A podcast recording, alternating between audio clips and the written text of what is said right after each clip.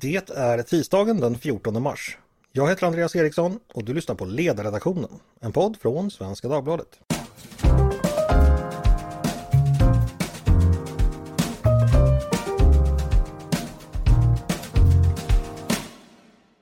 Varmt välkomna till oss. Eh, de senaste dagarna har det skett ganska dramatiska saker i den amerikanska banksektorn. Det har ni säkert hört talas om. Eh, I fredags meddelades att eh, Silicon Valley Bank befanns vara på obestånd och att myndigheterna eh, grep in genom att stänga banken och sätta den under ett slags federalt förvaltarskap. Silicon Valley Bank var USAs 14 största bank och som namnet antyder opererar man i Silicon Valley med en stor del av sin verksamhet riktad mot startups. Stängningen av banken var den näst största i amerikansk historia. Två dagar efteråt skedde ytterligare en eh, liknande bankkollaps. Då var det New York-baserade Signature Bank som stängdes av myndigheterna. Eh, det var i söndags. Banken var exponerad mot marknaden för kryptovalutor. Det här har fått lite politiska följdverkningar i USA. President Joe Biden har varit ute och försökt lugna folket eh, med att man kan vara trygga med sitt banksystem. Han har också utlovat en del nytt regelverk. Men vad betyder då den här eh, bankoron? Har de två bankkrascherna med varandra att göra? Finns det risk att andra banker påverkas? Och hur kommer det här få någon påverkan på det finansiella systemet i USA i stort? Tänkte vi skulle prata med, eh, om idag och med mig för att göra det har jag eh, tre gäster. Eh, John eh, Norell som är doktorand i nationalekonomi, verksam vid Ratio och fellow vid Timbro. Gabriel Bergin som är politisk tjänsteman för Centerpartiet i Stockholms stad. Med en bakgrund som eh, strateg på Danske Bank och numera också finanspoddare på Kreditvärlden. Och så har jag med mig en kollega från tidningen, Henning Eklund, techreporter här på Svenska Dagbladet. Och vi ska börja med då eh, just Silicon Valley Bank. Eh, Henning, du som kan tech och sådär och Silicon Valley, vad är det här för sorts bank? Kan du berätta lite om, om dess bakgrund? Ja, men det är en nischbank ska man säga. Alltså de har hittat sin nisch i Eh, riskkapitalbolag, startups i USA och investerat i mycket i den sektorn och blivit ganska framgångsrika. Som du sa, ändå en hyfsat stor bank i USA får man ju säga, även om den är långt ifrån de allra största. Och det är en bank som liksom har varit etablerad och gått ganska bra ganska länge och varit en liksom, etablerad spelare i den här världen. Det här med att man eh, riktar in sig just mot, mot startups, innebär det att eh, man tar större risker än andra banker eller hur, hur ska man förstå det? Så det är ju en lite speciell sektor. Det är ju liksom, kunderna till den här banken är ju inte företag som har några större intäkter utan de har, liksom en, har fått in en pengapåse och sen eh, sitter de och eh, ja, använder den pengapåsen för att betala sina löpande kostnader. Och Det är ju heller inte företag som har i regel speciellt liksom stora ekonomiavdelningar som har jättebra koll på liksom riskspridning och sådär, utan det är mer någonting som man kanske tänker kommer senare när företagen är lite mer etablerade. Så absolut, det är en lite annan typ Alltså det är svårt att säga att det är mer eller mindre riskabelt kanske än en annan sektor, men det är lite annan typ av risk, en lite speciell sorts kunder och som har varit ganska känsliga för konjunkturen då. När räntorna har varit låga och världsekonomin gått bra så har den här sektorn verkligen tuffat på. Värderingarna har ökat och ökat och sen, ja, men sen ett drygt år tillbaka så har det ju varit ganska tufft i den här sektorn. Mm. Eh, vem är det som äger, eller ägde snarare, Silicon Valley Bank?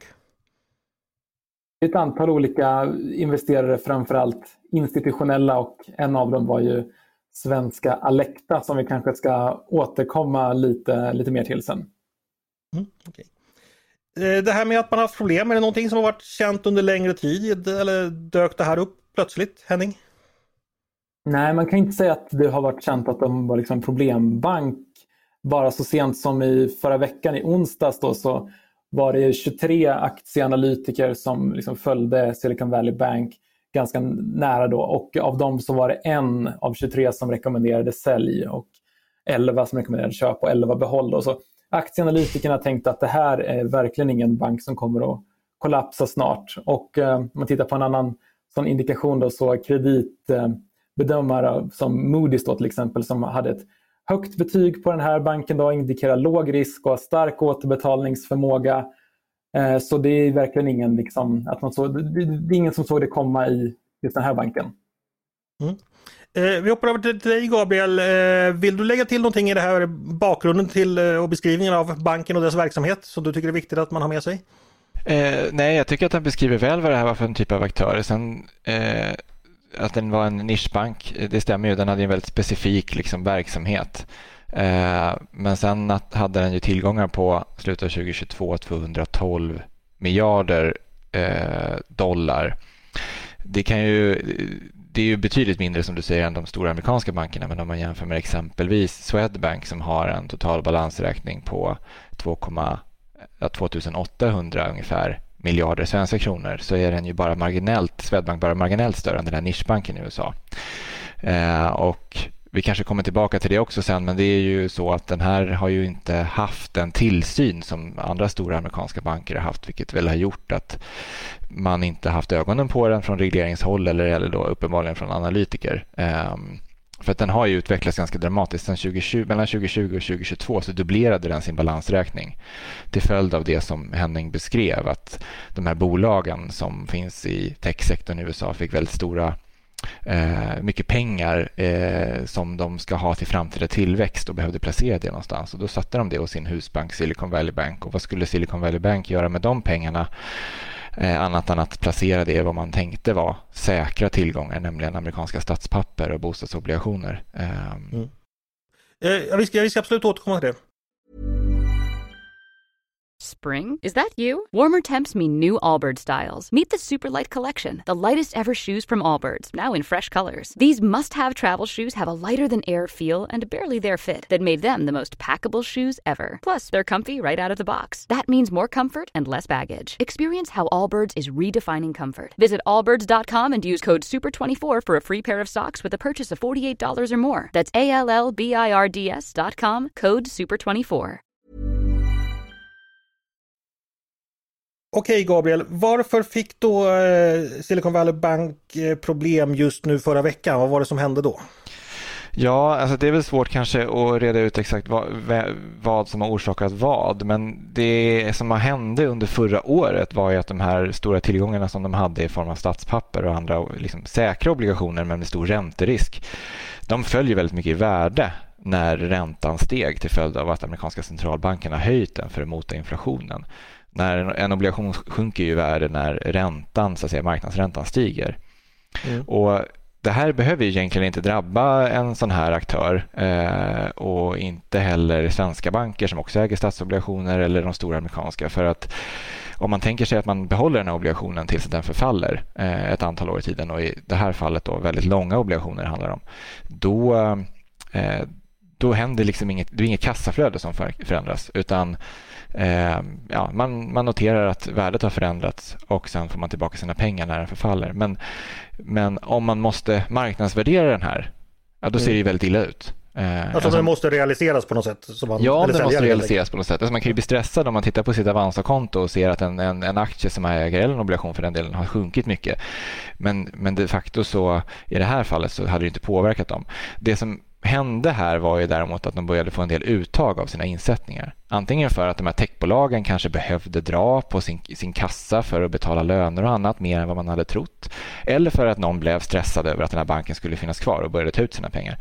Och då behöver de ju sälja de här obligationerna som de har för att kunna betala ut de här insättningarna som bolagen har gjort. Okej, så de hade fick helt enkelt likviditetsproblem kan man misstänka? Ja, misstänka exakt, alltså. exakt så. Och då, och då visade det sig att den här Eh, Eh, fallet i värde på de obligationsportföljen som de hade motsvarade i princip eller mer än det aktiekapital som de hade. Och då är det ju svårt tyvärr att möta alla de här uttagen. Och då hade man en plan. I onsdag skulle man ta in nytt aktiekapital som var mer än vad man hade gjort liksom orealiserade förluster. Men då helt plötsligt så spann ju vad heter det, mm, ryktesmaskineriet och osäkerheten igång. Eh, och ja, det här är ju mer eh, hörsägen och sådär. Men på torsdag morgonen så var det många av de här i det här Silicon Valley-gänget som började skriva till varandra och var oroliga för sina insättningar och, och, och annat. Och, och, det beskrevs mycket på Twitter och då började alla ta ut sina pengar samtidigt. Det blev en så kallad bankrun eller bankrusning. Och då, den är väldigt svår att stoppa. Ehm, och, och, det var väl egentligen det som hände. Mm. Och det var väl då eh, den förlust man fick ta i samband med, med, med försäljningen av de amerikanska statsobligationerna. Var det 1,9 miljarder dollar? Ja, däromkring va? Mm. Ja, där omkring, Om man tänkte ta in 2,2 miljarder i nytt kapital ungefär. Just det. Mm. Eh, Henning, vill du komplettera den här bilden av de problem man fick förra veckan? Överensstämmer det med, med du, du, du har, som du har läst till och förstått också hur det har hänt? Det som har hänt? Ja, men i stort sett det man kan säga är väl att de här liksom, investeringarna som banken gjorde, som sagt, alltså det är ingen högriskbusiness. Det här är liksom säkra investeringar anses det vara. Eh, men man hade, som jag förstår det, då, inte hedgat på ett sätt som som banker, i alla fall större banker, brukar göra. Att man säkrar de här investeringarna. Utan man tog en lite kanske större risk än vad man då med facit i hand borde ha gjort. Mm. Men det är ju så att de amerikanska räntorna har ju förändrats eh, ganska snabbt då från att ha varit väldigt låga till, till, till ändå hyggligt eh, ja, lite högre så att säga. Hade man inte, det var helt enkelt ingenting man trodde skulle ske eller vet du någonting om det Henning?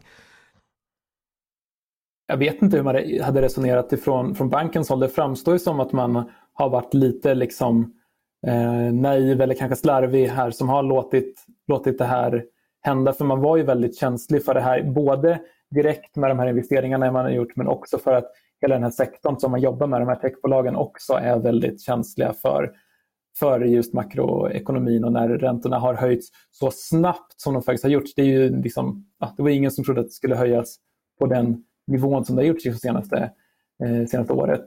Eh, så kanske en kombination av otur och lite möjligen då slarv eller oförsiktighet från bankens sida.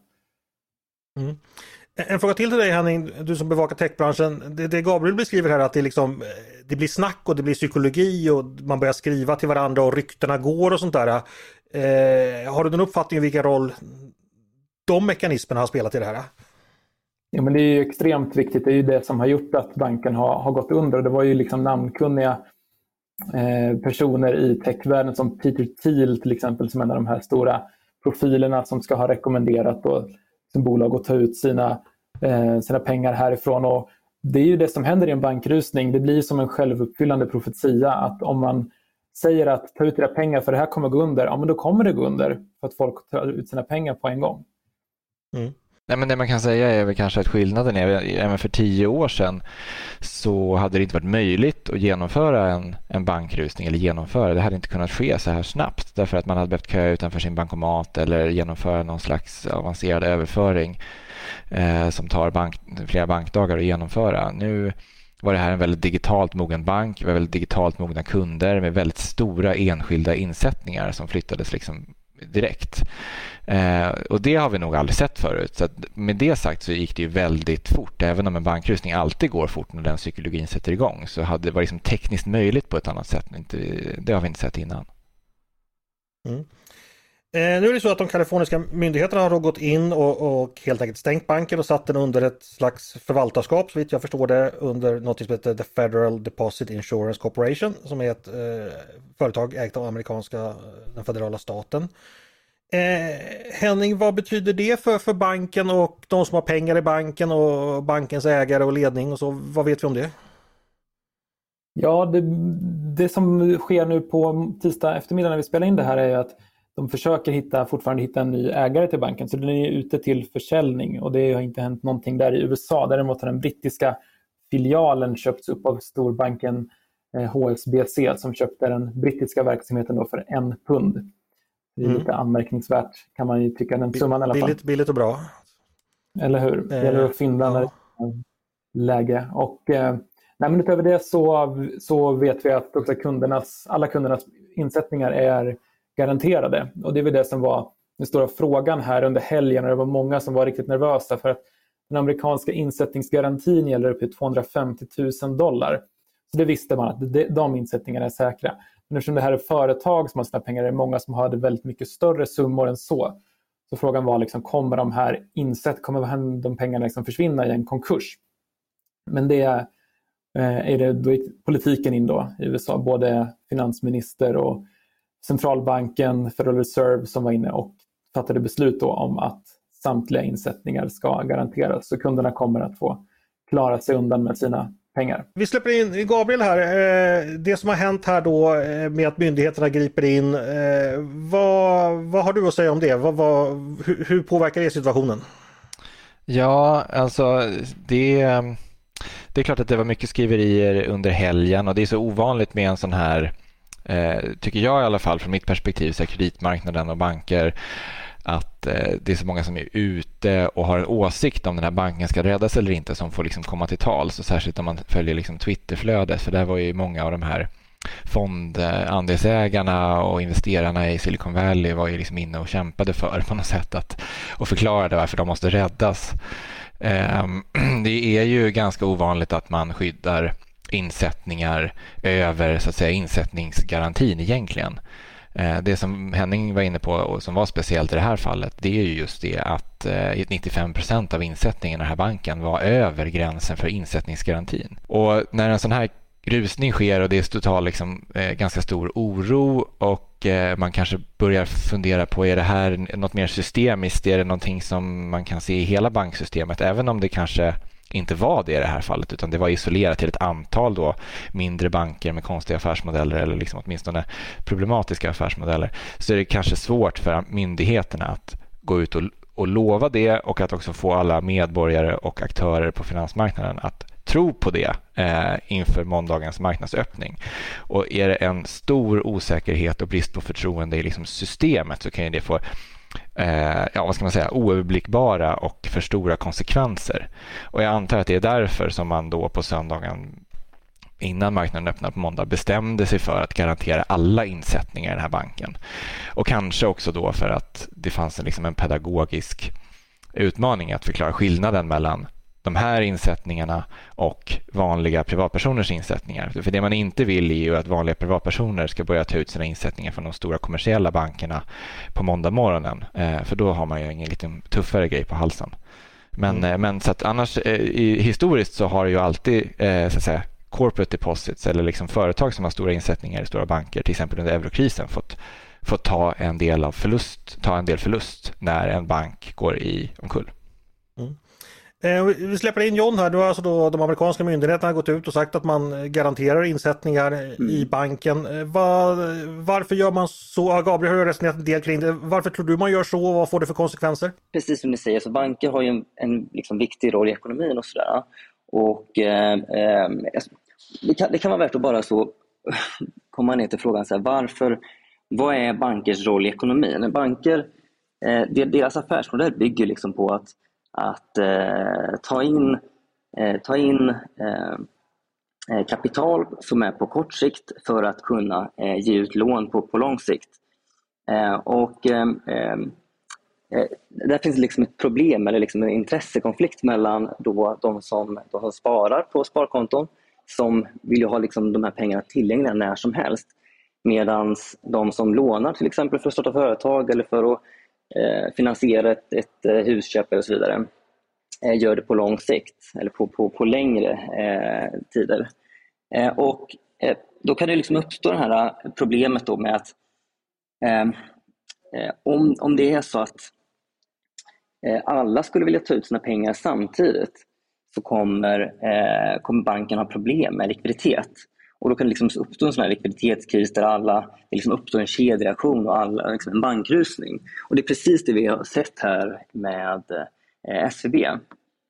Och, och, Det är lite nästan ironiskt det att vi har ju, eh, det är bara fem månader sedan, faktiskt på dagen när, när eh, i fredags nu, den, den 10 oktober var det som, som eh, Ehm, det förkunnades att eh, ekonomipriset till Alfred Nobels minne skulle gå till just forskning om exakt de här frågorna.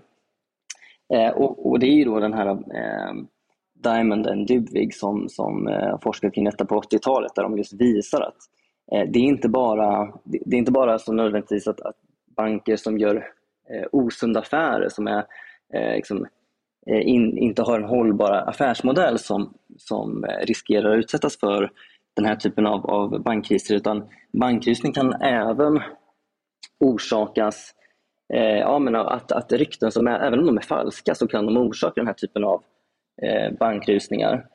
Eh, och det de visar också i den här artikeln, då, eh, den här forskningen som, som nu har liksom, eh, ärats med, med Nobelpriset, är just att Genom att, genom att staten går in och erbjuder insättningsgarantier så, eh, garanterar staten spararnas insättningar och då behöver de liksom inte vara oroliga för att man ska bli av med sina pengar i en sån här rusning.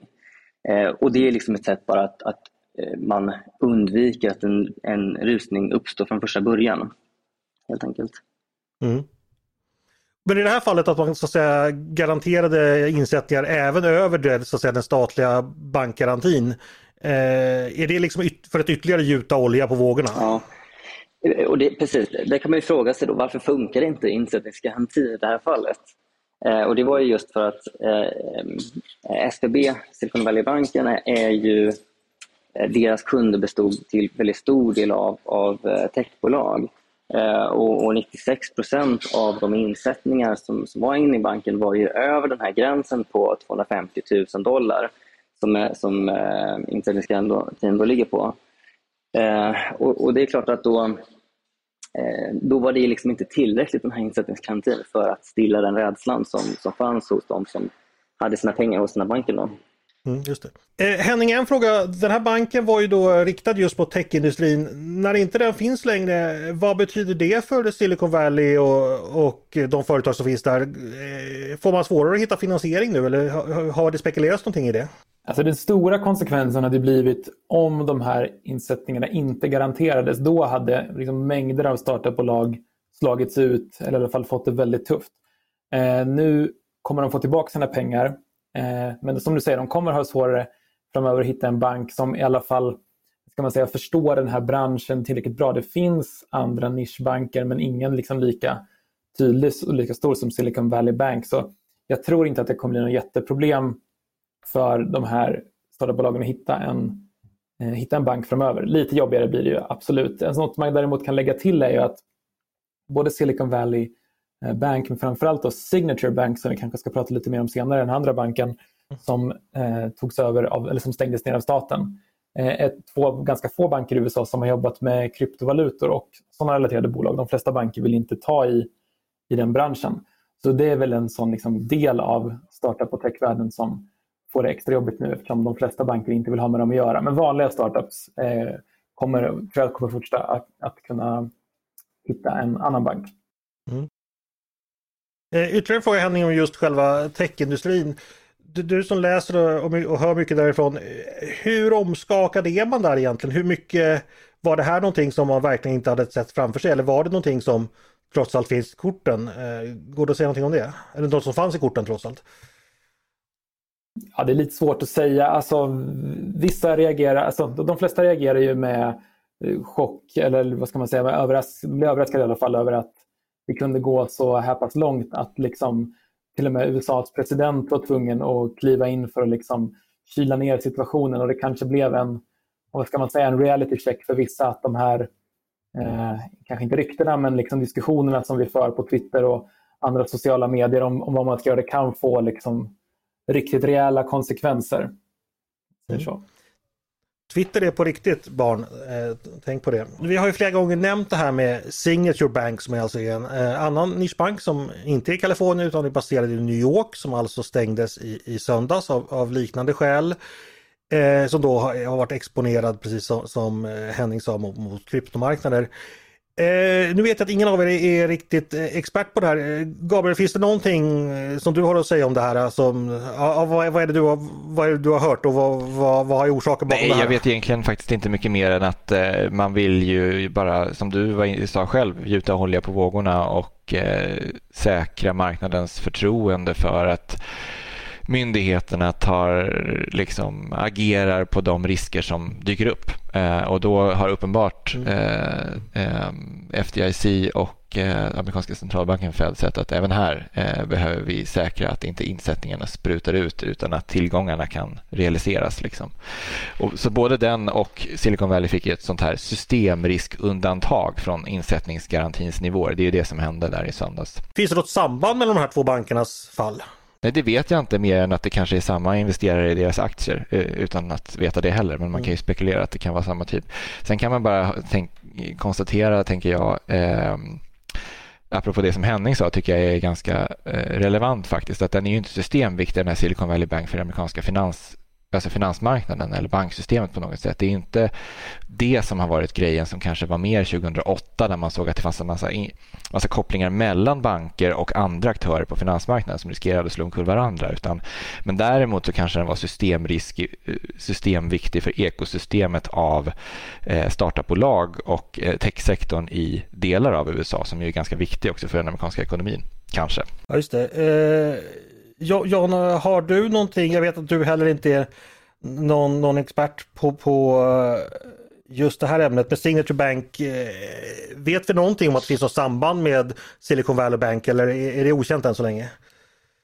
Så det är klart att det finns ju ett samband i att det, det, allt det här händer samtidigt. Det är liksom chockvågor som, som, eh, och en oro är ju, är ju samma liksom för, för investerare. Men, och sen känns det som att det går väldigt snabbt just nu. Alltså det, det, eh, saker och ting förändras timme för timme. Så att det kan mycket väl vara så att det, det, eh, om, om något dygn eller kanske bara några timmar så kommer vi prata om ytterligare banker som, som, eh, som det är oroligt kring. Liksom. Men, mm. ja.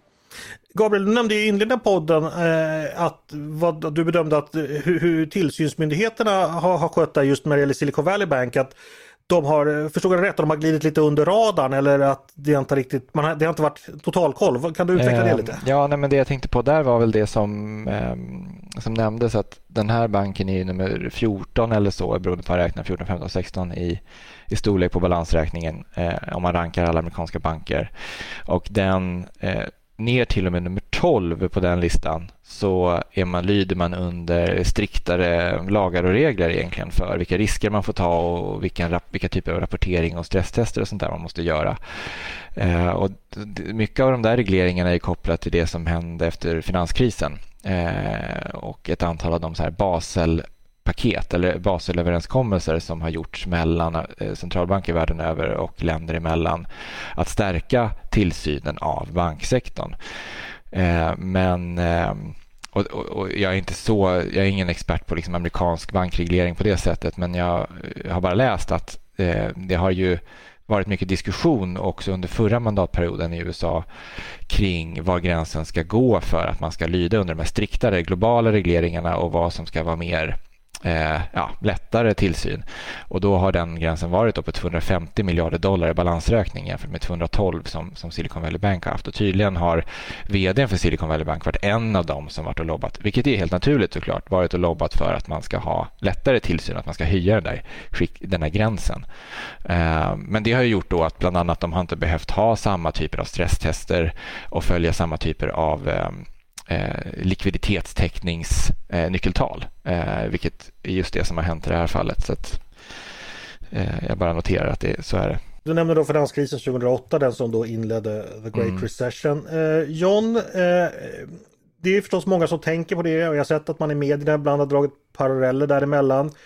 Eh, vad skulle du säga, hur mycket ska man snegla på, på 2008 års situation eh, nu och hur mycket, och mycket har förändrats när det gäller just reglering och så jämfört med då?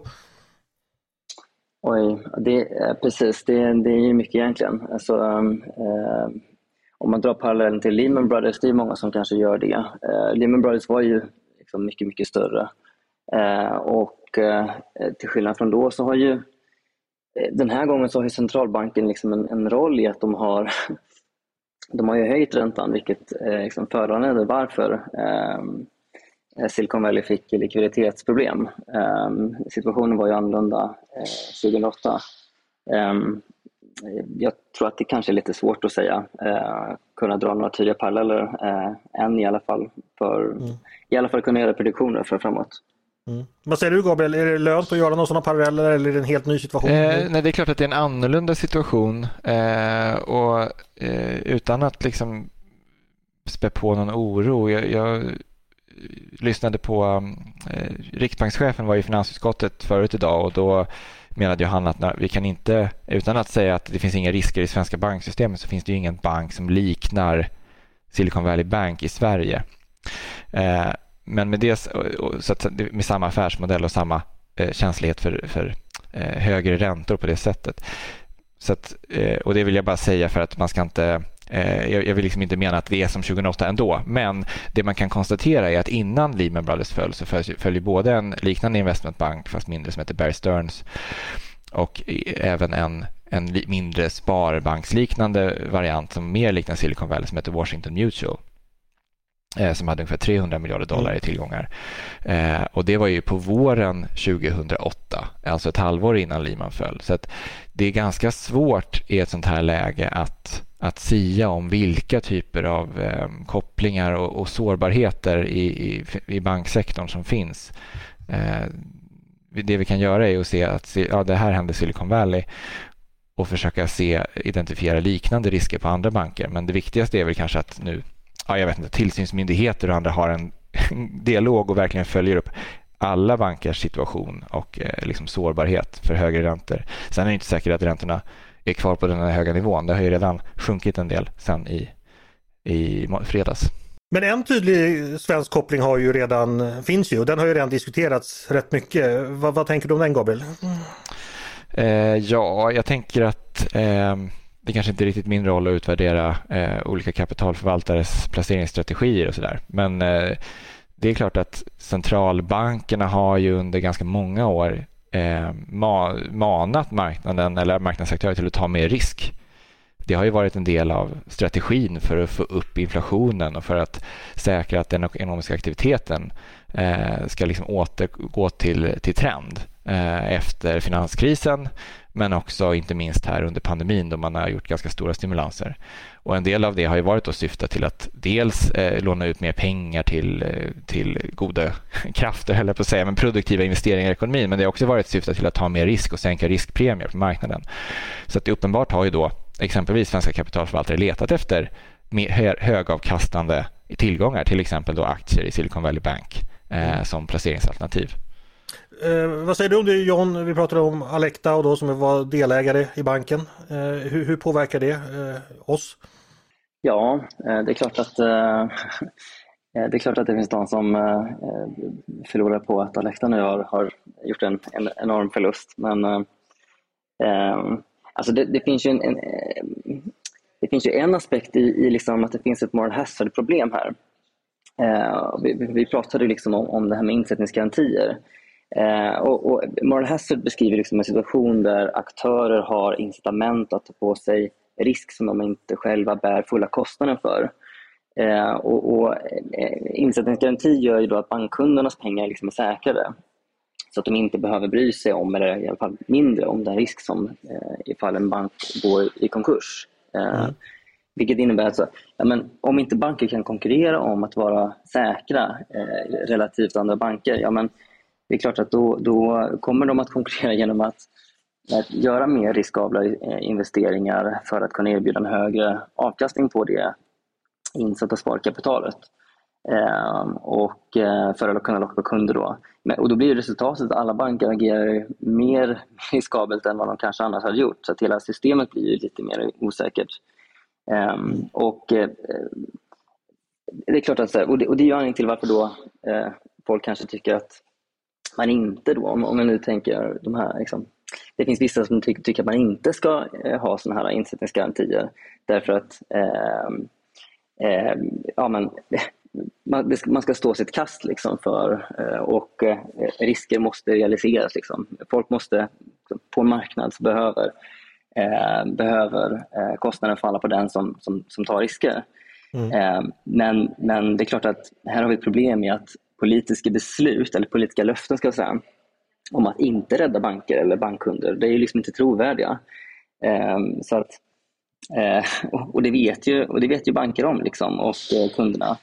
Uh, om en bank går i konkurs, ja, men då är det familjer som förlorar sina besparingar, pensionärer som förlorar sparande till pension, småföretagare som inte kan betala löner till, till anställda. Så att den politiska kostnaden att inte göra någonting är ju på tok för hög. Mm. Så, och det vet ju alla inblandade. Så att, då blir mm. resultatet att, att, äh, att äh, man, man inför den här typen av, av insättningsgarantier och sen ja, inför stränga regleringar istället.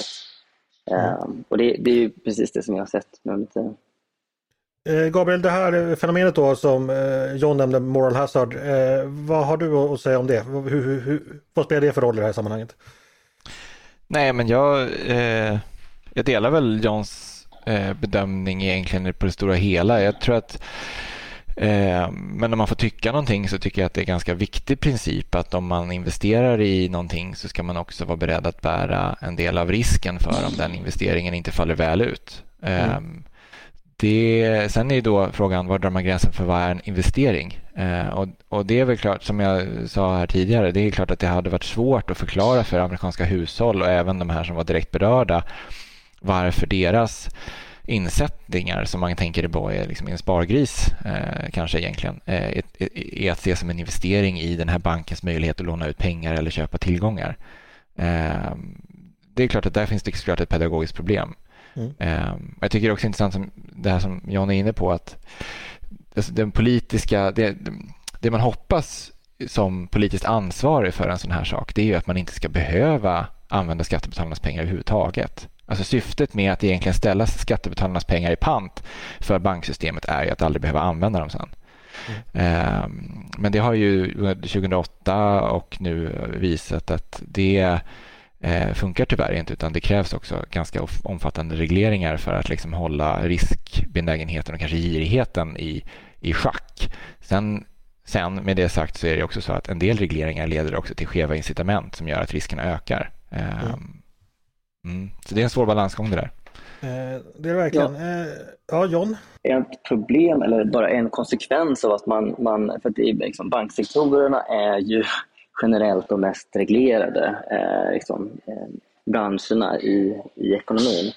Eh, och en konsekvens av det är ju eh, av höga regleringar och är ju att man får, får lägre konkurrens, det är svårare med nyetableringar vilket det höjer priserna och vinsterna i, i banksektorn är högre än vad de annars hade varit. Eh, så, att, så att det är I slutändan så är det konsumenterna som, som, eh, och kunderna som betalar för, eh, för de här sakerna. Men, men jag vill också säga att det är positivt att, att man, nu räddar man ju kundernas pengar, man räddar ju inte ägarna i, i, i banken. Och det är klart att man vill ju att, att de som de bank managers, vad säger man på mm. engelska? på svenska. Mm. Alltså de, de, ska ju, de ska ju såklart eh, bära kostnaden av att de eh, gör de här dåliga valen, att de, att de fattar dåliga beslut som, som riskerar eh, deras kunders pengar. En sista fråga här bara. Eh, nu, nu verkar det ju, eller det har pratats mycket om att det här kommer påverka, eller har redan har påverkat ränteläget. Eh, Gabriel, var, varför, hur ser den logiken ut? Ja, den ena är den här direkta effekten som vi pratat om, att högre räntor uppenbart har eh, skapat eller upp, uppmärksammat sårbarheter i det finansiella systemet. Eh, att vissa affärsmodeller kanske inte håller för högre räntor eh, och att många är ovana vid hur högre räntor funkar när vi har haft liksom decennier av att räntorna bara gått neråt. Mm. Så det, kan ju vara den direkta effekten. Det andra är ju att man kanske är orolig för att det här får negativa effekter, den osäkerheten men också direkta effekter av de här bankerna som är kopplade till techsektorn som har stått för enorm tillväxt. Att ekonomin och konjunkturen nu kanske vänder åt fel håll eller neråt. Och Det gör ju att vi är i ett annat läge än att amerikan eller amerikanska centralbanken framför allt, men även då som en följd alla andra behöver bromsa ekonomin genom att höja räntorna för att få ner inflationen. Om vi står inför en stor lågkonjunktur till följd av en, liksom en finanskris, då har de inte det behovet längre utan snarare kanske för, eh, med helt andra avvägningar att göra. Mm. Vi får se hur det går med det. Eh, men därmed sätter vi punkt för idag. Stort tack eh, John Norell, Gabriel Bergin och eh, Henning Eklund för att ni ville komma och prata med mig idag. tack till er som har lyssnat också på Ledarredaktionen. En podd från Svenska Dagbladet. Ni är varmt välkomna att höra av er till redaktionen med tankar och synpunkter på det vi precis har diskuterat eller har ni idéer och förslag på det vi ska ta upp i framtiden. Då går det bara att mejla till ledarsidan snabel svd.se. Dagens hårt prövade producent, han heter Jesper Sandström. Jag heter Andreas Eriksson och jag hoppas att vi hörs igen snart.